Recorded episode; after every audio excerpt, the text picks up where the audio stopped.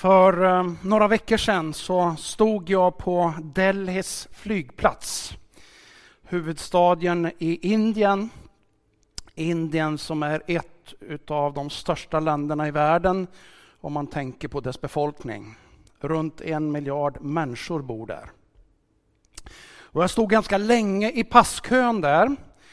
Och eh, till slut så var det min tur. Jag kom fram där. Jag hade ju naturligtvis passet och jag hade ordnat med visum och allt det där som man behöver. Och så tjänstemannen där, han tittar på mina papper och så får jag i vanlig ordning eh, skanna mina fingrar, fingeravtryck och så när, när jag gjort det så tittar han upp på mig. Välkommen tillbaka, det är länge sedan du var här nu, sa han. Och så kunde han se i sina papper att det var, om det var 2014 eller 2015 som jag hade varit i Indien senast. Så, och det, det stämde ju. Och så hade jag möjligheten att vara i Indien ungefär en veckas tid. Det var, det var en spännande dag. Jag ska berätta alldeles strax, eller spännande vecka. Jag ska berätta alldeles strax lite mer detaljer om det. Men den här predikan som jag ska ha idag, den är starkt präglad utav det jag upplevde när jag var i Indien. Och den första bilden jag har lagt upp här, den, den, eller Matilda har hjälpt mig att lägga upp. Där står det Herrens dag. Det är ju det som vi liksom, vi firar Herrens dag idag. Har ni tänkt på det? Eh, en dag i veckan rekommenderar Bibeln Eh, en dag i veckan rekommenderar Gud själv. Då ska ni ha en speciell dag som är liksom Herrens dag. Då lämnar ni den här produktiva biten utav livet och då gläds ni, då jublar ni, då kopplar ni av tillsammans med Gud och tillsammans med vänner. Och jag hoppas att det är så du känner det när du är här i gudstjänsten idag. H. Herren börjar på H. och Jag kommer återkomma till tre ord som också börjar på H. Och de där orden de drabbade mig när jag var i Indien. Men låt oss berätta lite grann vad som hände. Vi kan ta nästa bild. Jag vet inte om du har varit i Indien någon gång. Men om du har varit det så har du förmodligen stött på det här uttrycket Incredible India otroliga Indien. Och när man, när man liksom lyssnar över vad, vad man menar med det där, för det där det dyker upp, om du sitter på flyget in så kommer det upp reklamfilmer om Indien och så står det Incredible India, otroliga Indien. Och så beskriver de, ger de lite bilder av olika slag med olika kulturyttringar, olika eh, jag menar, uttryckssätt, olika typer av människor och det, det är en mångfald som de säger sig vara stolta över. Och det finns ju några saker som, som jag älskar. Jag har ju haft chans, inte den här gången, men, men för ganska länge sedan att besöka Taj Mahal. Det här mausoleet eller, eller gravplatsen som en, en kejsare eller en regent byggde till minne av sin älskade fru. En spännande plats att vara på. Jag älskar indisk mat. Är det någon mer som gör det? Ja, och här var det några stycken. Wow. Jag njöt hela veckan utav indisk mat, kan ni tänka er? Jag åt nog nästan ingen västerländsk mat överhuvudtaget. Och jag njöt varje dag och jag var helt okej okay i magen om någon undrar över det också. Eh, det var liksom eh, masala omelett på morgonen, eh, starka kryddor och så och, och, och så här. Eh, och sen så alla möjliga varianter hela, hela dagen. Eh, indisk mat är bland det mest eh, fantastiska mat som jag vet. Jag älskar det.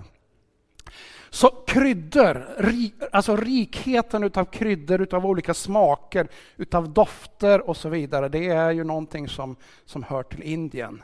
Eh, ja, men elefanter finns ju där och, och, och dekorerade och jag har haft chans att se, inte, inte tigrar, men det finns tigrar eh, i Indien. Men däremot har jag mött väldigt många människor av olika åldrar och olika typer av människor. En kontinent, inte bara ett land, en kontinent eller ett land egentligen, men med många stater, men så stort så att det är en kontinent i sin egen. Och så är man stolt över Incredible India. Vi lyckas att hålla ihop allt det här i den här mångfalden. Och under de här dagarna så fascineras jag över de här människorna. De kommer från olika stater, alltså när de drar igång och sjunger och alltså, prisar Gud så är det glädje kan man säga i rummet där. Och så kom vi till sista dagen när vi inte bara liksom fångade upp det där som ändå fanns där, mitt i glädjen, mitt i engagemanget, att det också fanns förföljelse. Så hade vi ett pass på eftermiddagen som handlade just om förföljelse. För det har ju varit, det har ju kantat kyrkans resa ifrån första början. Ehm, läser man kyrkohistorien så är det det som, som, som följer dem, speciellt de 300 första åren, men sen återkommande på olika sätt. Förföljelsen utav människor som tror och tar Jesus på allvar. Det vill säga oppositionen från att det här får du inte göra. Det här, alltså att ta Jesus, du är ju knäpp, du är ju dum. Det kanske vi har varit med om också. Men här var det på en annan nivå. Vi kan läsa en hel del om det i, i, i, i Nya Testamentet. Paulus han räknar vid ett tillfälle upp ut vad han har varit med om. Han har, han har lidit skeppsbrott och han har blivit stenad och han har blivit allt möjligt för evangeliets skull. Men när vi börjar det här passet där på eftermiddagen, det är ganska varmt, fläktarna surrar för fullt och så, så jobbar de i grupper där de får beskriva alla olika typer av förföljelse som de själva är del av, som de själva upplever. Och så får de samtala om det. Hur, hur, hur kan vi förhålla oss till det? Hur kan vi hantera det här? För någonstans måste de ju göra det. Och så börjar de berätta och, och, jag blir liksom tagen på sängen. Det är, som, det är som att öppna dammluckorna. Och vi börjar lista och jag tänker, nej, men här, det här måste ju vara sånt de har hört om. Så jag måste ställa frågan, men är det här verkligen det ni själva har varit med om? Är det inte sånt som ni har hört? Nej, nej, nej, det här är sånt som vi själva har varit med om. Då berättar de om allt ifrån offentlig eh, trakasseri, offentliga verbala trakasserier, bränning utav kyrkor, bränning utav biblar, bränning utav hem där troende bor, där människor har kommit till tro. Skyltar som talar om att här är inte kristna välkomna i den här byn, kom inte in här. Till offentlig hängning på grund utav tron. Och allt däremellan. Människor som kommer till tro, som inte får gå och handla mat längre, som inte får vara del utav samhället längre. Och jag blir liksom lite drabbad utav det där. Och så känner jag så här, vem är jag att säga någonting här? Vem är jag? Det är klart att jag har mött en del jobbiga saker, jag har mött människor förut. Men jag bara känner så här, vem är jag att, att ha någonting att säga till de här människorna? Som lever med det här, har upplevt det här och ändå känner så stor glädje, uttrycker så stor glädje över vad de har fått uppleva så att de också vill göra allt för att träna andra och ge det vidare till andra.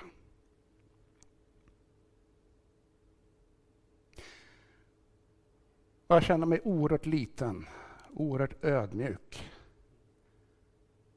Och det var mer utav en en själavårdspass som vi avslutade med bön där sen, än att liksom kunna säga så jättemycket, så här ska du göra. Rådet var den helige Ande är given som en hjälpare. Att förstå och veta hur ska man göra? Hur ska man hantera? Hur ska man göra det här? Men det drabbade mig när jag mötte de här på samma sätt ungefär som det var med den första kristna församlingen. För då sa man så här att om, om han eller hon är beredd att dö för det här han eller hon tror på, då måste det finnas något i det. Det kan inte vara något ytligt. Det kan inte vara någonting som, som liksom bara är så lite på skoj. Det måste ju vara allvar. Det måste ju vara något riktigt värdefullt. Om han eller hon är beredd att dö för det. Och så var det attraktionskraft istället till evangeliet På samma sätt kände jag den här dagen. Jag tog fram en, en, en, en sån här bild, en karta över förföljelse i världen. Det här är Open Doors, som en organisation som sammanställer lite grann förföljelse. Och de röda länderna här, det är där, där det är extrem förföljelse. De orangea, mörkorangea, det är mycket allvarlig förföljelse. Och så är det några få som är allvarlig förföljelse. Så. Och vi kan ta nästa bild. Så gjorde jag en liten jämförelse med vilka länder är det som IBRA på något sätt och vi alla då genom IBRA är med och involverar oss för evangeliets skull. Så blev jag ganska glad att konstatera att ja, i nästan alla utav de här elva extrem förföljelseländerna, där jobbar vi. Där är vi med och stöttar och gör olika insatser för att evangeliet ska bli känt. Och går vi vidare till de här andra länderna som är mycket allvarlig förföljelse så är det väldigt många av de länderna som vi också får vara med. Och då kände jag, wow! Vi som församling, vi som församlingar här i Sverige får vara med och stötta våra systrar och bröder som betalar ett ganska högt pris för sin tro och för vår gemensamma tro. Och jag vet inte vad morgondagen innebär, men jag är övertygad om att vi kommer att på olika sätt behöva betala pris för den tro som vi har. Och jag hoppas att vi kan känna samma glädje som de jag mötte i Indien av att betala det här priset. Det vi har fått hoppas jag är så värdefullt och så viktigt så att det är värt att göra det. När jag kom hem så var det liksom tre ord. Tre ord som liksom fångade mitt sinne och som på något vis försökte sammanfatta det jag hade varit med om. Och det var hängivenhet. Det var helig och det var högre och det skulle jag vilja säga någonting om en liten stund. Hängivenhet, helig och högre. Och vi börjar med hängivenhet. Har du mött någon person som är riktigt hängiven? Har du mött någon person som är passionerad över sin sak? Jag möter ibland människor som är sådär oerhört liksom, nördigt passionerade. Ja, men, eh, Sam, vår föreståndare, han är ju sådär passionerad över böcker. Teologiska böcker, eller hur Sam? Eh, det är fantastiskt att sitta och prata med honom. Eh, och, och, och, han kan citera, han kan återkomma. Jag läser också teologiska böcker, men det, jag är inte alls i samma klass som Sam är, det måste jag ju erkänna. Jag kan också finna glädje att läsa Jonas Jonasson om hundraåringen som hoppar ut genom fönstret och försvann och annan, annan litteratur. Det är några till tror jag som har läst den. Jag ser, att, ser på reaktionerna här. Alltså det är fantastiskt med människor som är så där hängivna, som älskar det. Det kan vara musiker, det kan vara, det kan vara en snickare eller en konstnär som liksom, wow, man ger sig hän. Och man liksom kommer in i det där som ibland beskrivs som flow. Tiden liksom bara stannar. Allting annat bleknar bort för att här och nu gör jag det som är så fantastiskt. Jag tittar ibland på vintrarna på Mästarnas mästare tillsammans med min fru. Är det någon mer som har gjort det? Ja, det är några stycken här. Ja. Jag kan inte påstå att jag är en, en speciellt extrem sportare på något vis. Absolut inte i, i, i liksom tävlingsklass på något sätt. Men jag fascineras över de här, de här idrottsmännen. För vad är det som gör att de är beredda att betala ett så högt pris? För det är ju det det är. De talar ju om att ja, men jag måste lära mig att leva med smärtan. Det är omöjligt att komma till segrar utan smärta. Det talar de öppet om. De, de berättar att de måste avstå ifrån väldigt mycket av både mat och dryck och andra saker för att de ska kunna prioritera och komma till den nivån så att de liksom kan vara där på topp. En hängivenhet som ger en drivkraft av att göra det de verkligen brinner för. Det där fascineras jag av. Och Det där såg jag lite grann utav i Indien också. Eller ganska mycket hängivenheten över det man verkligen tror på. Och Bibeln talar en hel del om det där med hängivenhet, både som det goda exemplet och som utmaningar. Exempelvis så står det i Uppenbarelseboken så här, där Johannes får en uppenbarelse av det som ska komma och så får han uppdrag att förmedla någonting, några. Bland annat så får han uppdraget att förmedla till några församlingar och till Efesos får han uppdraget att säga så här. Du är uthållig, du har tålt mycket för mitt namns skull och du har inte tröttnat. Men det har jag emot dig, att du har övergett din första kärlek. Den här liksom passionen, den här glädjen. Jag vet inte om du känner igen dig i det. Då skulle jag vilja att det här får bli en hälsning till dig. Du, Gud bjuder in dig att återfinna den första kärleken. Den där glädjen, den där passionen, den där uppfyllelsen som gör att allting annat stannar inför din Gud som är så otroligt fantastisk. Låt mig ta dig med till ordet helig.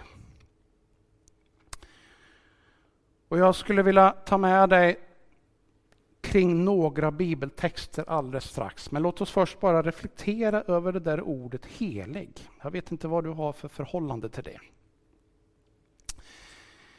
Ibland när jag gör jämförelser mellan det jag ser här i vår svenska kontext och det jag ser i andra kulturers kontext, då känns det som att vi har tappat bort ordet helig i Sverige. Jag vet inte om du känner igen dig i det. Åtminstone så har innebörden av heligt liksom bleknat. Eh, ibland talas om att det är inget som är heligt. Allt är tillåtet, allt är möjligt, det finns inga begränsningar av något slag. Och om man studerar eller utforskar lite grann det där ordet helig, vad betyder det för någonting? Ja, det kan betyda ren, det kan betyda avskild för gudomligt ändamål, given av Gud, högt respekterad och vördad. Alltså någonting som är bortanför det vardagliga, någonting som man inte liksom bara skändar eller beter sig hur som helst. Jag vet, kommer du i ett muslimskt sammanhang, då finner du deras heliga bok. Den ligger aldrig på golvet. Om du skulle lägga en helig bok på golvet, då säger du att det är det lägsta och det minst viktiga av allt. Där lägger man den högst upp i hyllan eller på bordet och gärna med en duk över för att visa att den här håller vi helig, den här skyddar vi. Och Det finns andra många liknande exempel. Ibland funderar jag över om vi har tappat det där i vår svenska kultur.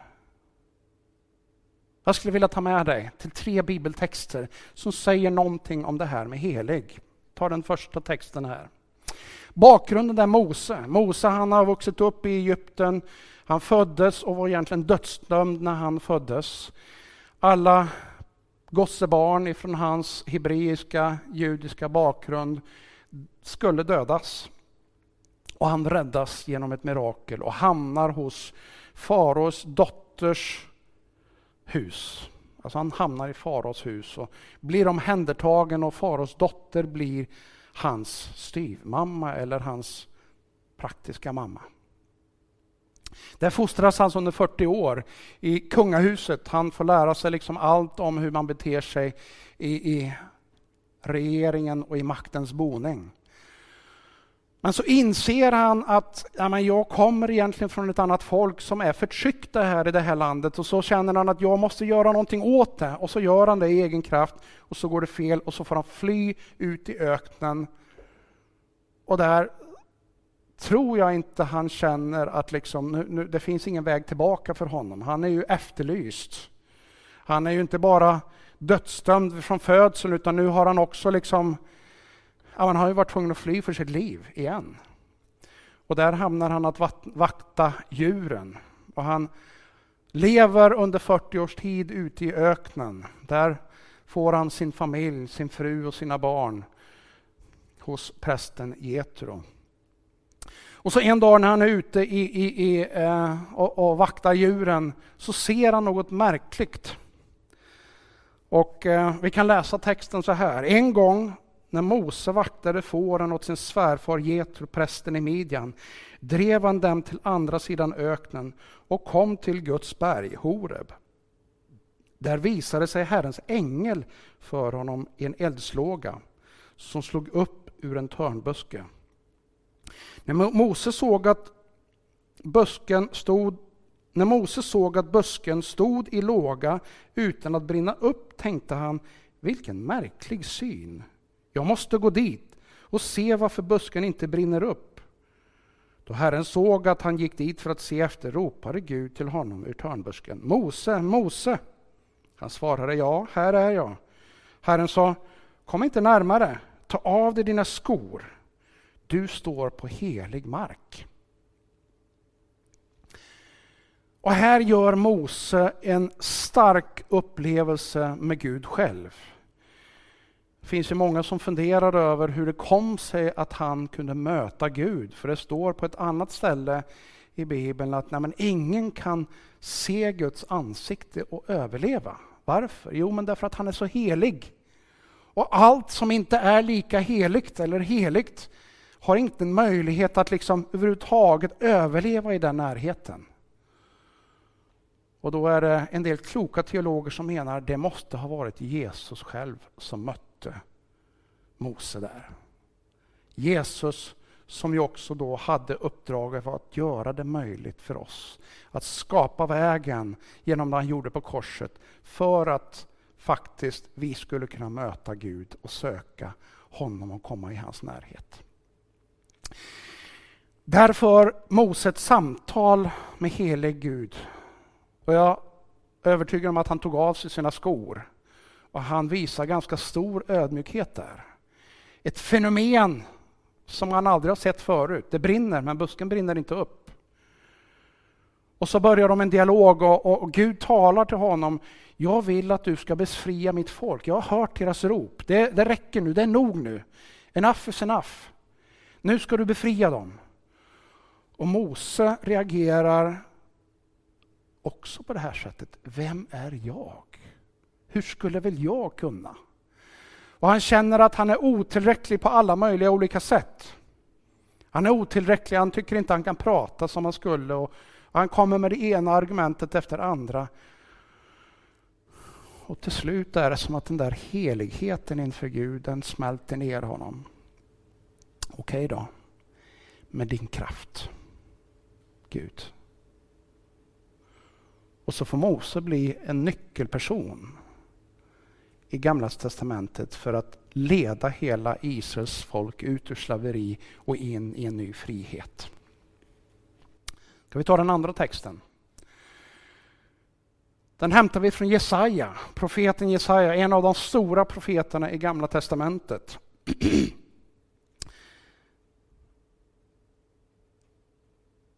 Och Jesaja han Ja, vi kan läsa texten, jag tror att den, den talar för sig själv.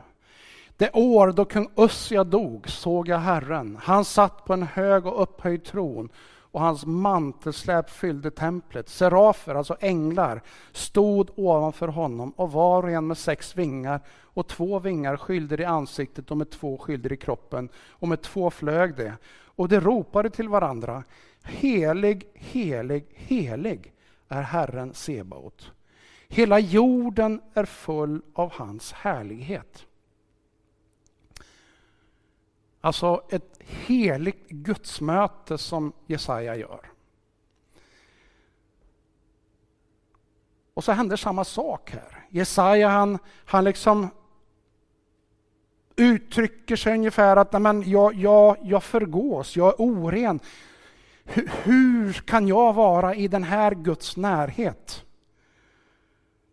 Så kommer det en ängel och tar ett kol och så lägger det här glödande kolen mot hans läppar och, och säger jag tar bort din synd nu. Och så för de en dialog där och, och, och Gud säger Vem ska jag kalla, vem vill gå? Och när de är färdiga där, vad säger Jesaja då? Herre, sänd mig. Mötet med det heliga innebär insikten av att jag i min egen förmåga i allt det jag har med mig i bagage räcker inte. Jag, jag når inte långt. Jag är inte helig nog i mig själv. Men insikten av att jag behöver Guds hjälp. Och när Mose tar emot det, när Jesaja tar emot det, så får de också säga Ja, Herre, sänd mig. Ja, jag är beredd. Jag är beredd att gå, jag är beredd att, att, ta steg. Jag vet inte vad det kommer innebära, men därför att du har sagt det. Därför att du är så stor, därför att du är så helig och därför att du manifesterar dig gång på gång genom dina under. Därför så är jag beredd att gå. Jag vet inte om du har någon erfarenhet av någon sån här helig stund. Ett heligt möte eller en helig plats på det sättet som någon av de här berättelserna. Antingen så har du det, eller så kanske du kommer att få det. Och Det kan vara skrämmande, det kan vara utmanande, men det kan också bli definierande. Det här var definierande för Mose för resten av sitt liv. Inget blev som tidigare efter det här. Det här var också definierande för Jesaja. Ingenting blev som tidigare. Och vi vet att Jesaja var en av dem som fick liksom kanske allra tydligast föra budskapet, förbereda mänskligheten på Messias, den som vi känner som Jesus Kristus. Som orsaken till att vi finns här. För att vi tror. Orsaken till varför de här människorna jag fick möta i Indien är så hängivna det de har mött, det de tror på och det de brinner för. I den här texten som vi aldrig läste, om vi går tillbaka till Jesaja-texten där, så står det helig, helig, helig. Alltså tre gånger upprepas det här ordet helig. Det är som att det här är viktigt. Det här är ingenting vi bara ska liksom lägga åt sidan. Det här är ingen bisak. Och Det är faktiskt bara två tillfällen som just det här helig, helig, helig är uttryckt på ett liknande sätt i Bibeln. Första är här, Jesaja. Och den andra ska vi läsa alldeles strax. Det är Uppenbarelseboken. Vad är då bakgrunden? Ja, Johannes, en av apostlarna, en av Jesu lärjungar, sitter på Patmos. Han är fängslad för sin tros skull. Det pågår en ganska omfattande förföljelse och han sitter där isolerad och vet inte om han överhuvudtaget kommer att bli utsläppt därifrån någonsin. Man skulle kunna tänka sig så här att livet är ganska mörkt när man sitter fängslad och inte vet alls. Track record är att många har dödats, många har hängts, många har, har liksom fått avsluta livet och så sitter Johannes där. Och vad händer då? Jo, då får Johannes göra en upplevelse. Han får möta en ängel, han får möta Herren själv. Och så får han liksom skåda in i det som ska hända. Och då står det så här. Från tronen kom det blixtar och dån och åska och sju facklor brann framför tronen. Det här är alltså en beskrivning över det som ska hända, som Johannes får se.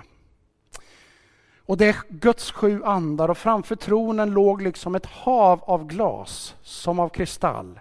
Mitt för tronen och runt om tronen var fyra varelser som hade fullt med ögon både fram till och bak till. Och den första varelsen liknade ett lejon och den andra en ungtjur. Och den tredje hade ett ansikte som en människa och den fjärde liknade en flygande örn.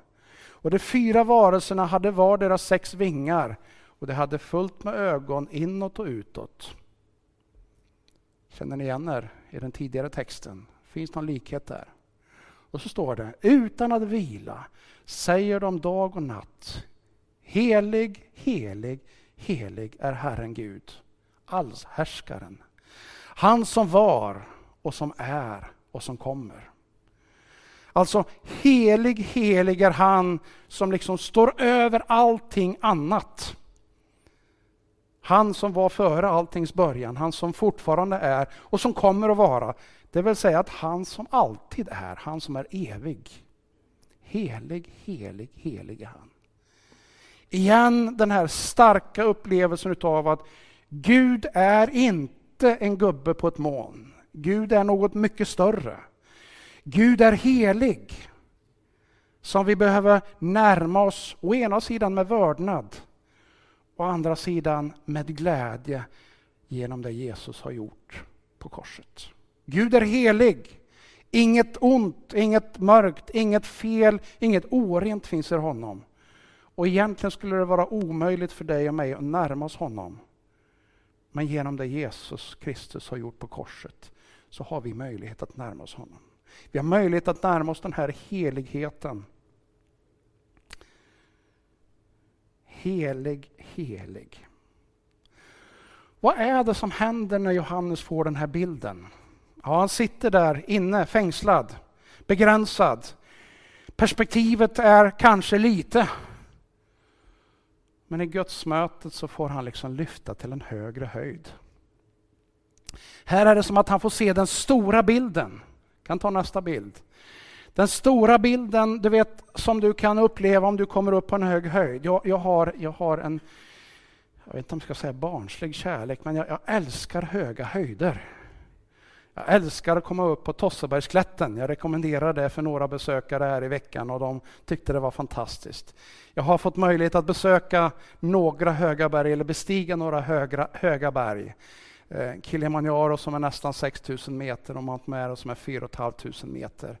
Jag har med glädje besökt torn på olika ställen i världen eh, som kommer upp på hög höjd och som ger perspektiv. Vad är det som händer när du kommer upp på hög höjd? Jo, det är som att allt det där som är nära, som du kanske tycker att oj, jag ser ingen utväg ut ur det här. Det är som att det, det blir annorlunda när du kommer upp på lite högre höjd. När du liksom kan zooma ut och så ser du liksom den större bilden. Inte bara det där som händer här och just nu bara. Du vet, när du har gått i en stad och du ser liksom myllret av människor och du ser gator och trafik och alltihopa, då har du inte så stor överblick. Och så kommer du upp som jag gjorde en gång i, i, i Toronto i Kanada, i CN Towers. Kommer upp på hög höjd, det är en av de bästa måltider jag har haft. Inte för att maten var den mest fantastiska, den var god, men, men det var inte den godaste maten jag ätit, men det var en fantastisk utsikt över hela staden. Och där jag hade gått där nere tidigare, helt plötsligt såg jag hur det hängde ihop. Och hur, hur liksom vägarna och mönstret bildade mönster. Jag fick en annan bild.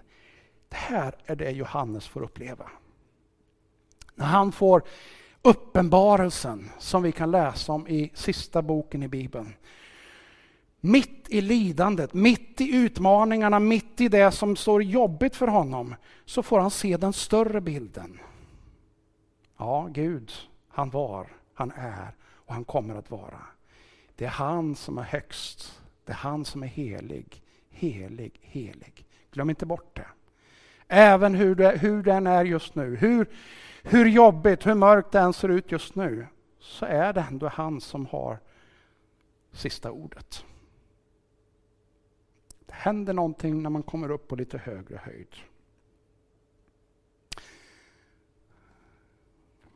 En bok som också har berört mig. Sam har rekommenderat den här och ligger bakom till nyutgåvan som kom ut för ett tag sedan. Guds längtan utav Tozer. Och jag vill bara läsa ett litet citat därifrån. För ibland måste vi göra val för att komma upp på den där högre höjden. Alltså vi kommer inte upp på oss själva alltid, eller ofta skulle jag vilja säga. Vi behöver göra val. Vi kan behöva vandra uppåt eller vi kan behöva betala lite energi för att ta oss upp på högre höjden och se det där. Och vi kan behöva göra val. Och då säger han så här. Om vi vill stiga till den ljusets och kraftens värld som Bibelns sanning så tydligt kallar oss till måste vi bryta den onda vanan att blunda för det andliga. Vi måste ändra fokus från det synliga till det osynliga. För den stora osedda verkligheten är Gud. Den som vill komma till honom måste ju tro att han finns och att han belönar den som söker honom. Det är själva grunden för trons liv. Därifrån kan vi stiga till obegränsade höjder. Vad är det han säger? Jo, vi måste öppna ögonen. Vi måste upp på lite högre höjd. Vi måste se perspektivet. Vi måste sluta blunda för det som så många i vår tid gör. Vi måste öppna ögonen för det som vårt tidsparadigm har liksom sagt att nej, det där som inte kan mätas, det som inte fysiskt kan beskrivas, det finns inte. Men hallå, Bibeln säger något annat. Johannes får en bild utav något annat. Mose möter något annat. Busken som verkar brinna men inte brinner upp, det är liksom inte det normala fysiska beteendet utav en buske. Och Jesaja gör liknande upplevelser. Det finns något annat. Och Tozer säger, öppna ögonen, sluta blunda, se och så ska du få se det större perspektivet.